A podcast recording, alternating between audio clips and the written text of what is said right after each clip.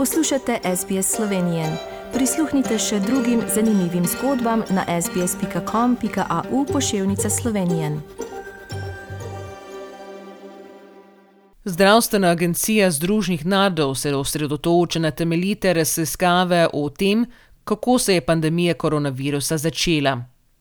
Angleško poročilo o pandemiji se še razvija, voditelj konservativne stranke pa je pojasnil, kako so ravnali s COVID-19. To prilogo je za SBS News pripravila Stephanie Corseti.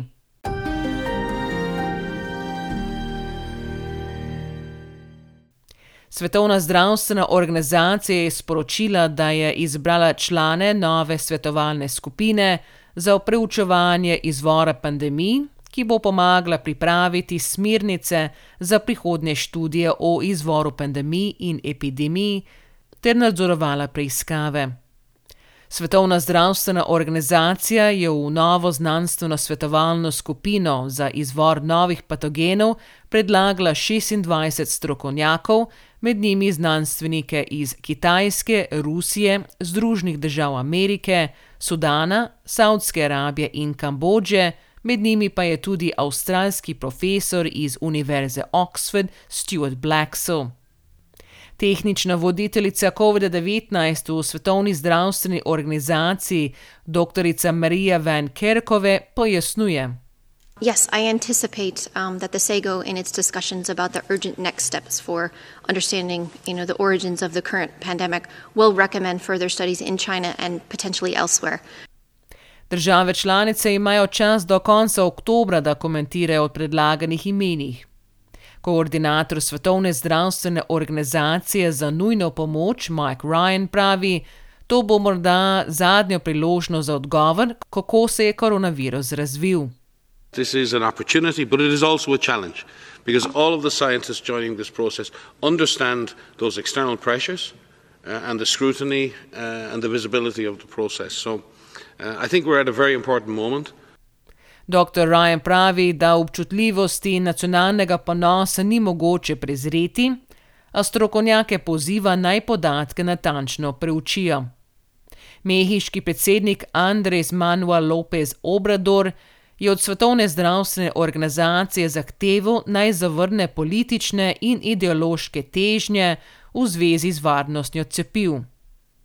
Mehika pozdravlja odločitev Združenih držav Amerike, da naslednji mesec znova odprejo svojo mejo za nenujna potovanja. Velika Britanija je še vedno pod drobno gledom glede svojega začetnega odziva na pandemijo. Eden izmed predsednikov konservativne stranke Oliver Dowden je nedavno komentiral poročilo o preiskavi. Well, the, the prime minister apologised earlier this year for all the, the hurt and distress that her, all those families have, have suffered. And I, I share that, and of course, I, I offer that as well. It's been a terrible time for every family affected by this, this terrible um, virus.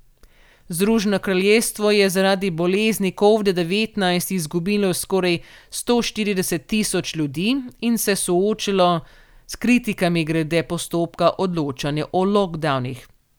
V Združenih državah Amerike The Food and Drug Administration razmišlja o cepivih Moderna in Johnson Johnson za tretji odmerek proti COVID-19.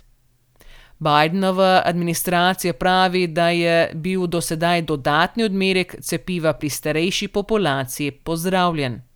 Koordinator odziva na COVID Jeffrey Zint pravi, da je več kot eden od treh starejših ljudi že prijel tretji odmerek cepiva. V teku so priprave na dobavo, če bo odobreno. We will be ready um, and uh, we have the supply. I want to emphasize it's a different supply. The dose for uh, kids is a different dose than adults, so we'll be getting different supply to providers.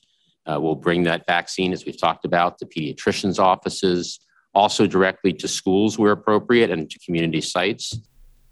Ameriška zdravstvena organizacija PEN o bodočnosti po koronavirusu nima pozitivnega mnenja, saj zaostaja v programu cepljenja. Direktorica Carissa Etienne pravi, da je cepljenje kritično, njena organizacija pa si prizadeva, da je cepivo dostopno vsem. Without timely concerted action, there remains the possibility that COVID 19 may become endemic. Medtem ko so Čile, Kanada in Urugvaj cepili že več kot 70 odstotkov prebivalca, druge države niso na tistem nivoju.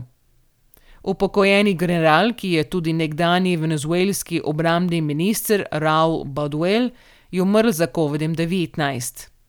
Globalno število smrti je trenutno 4,8 milijona ljudi. Za več informacij o zdravstvenih ukrepih in podporo o COVID-19 v slovenskem jeziku obiščite spletno stran sbs.com.au pošiljka coronavirus. Všečkaj, deli, komentiraj. Spremljaj SBS Slovenijo na Facebooku.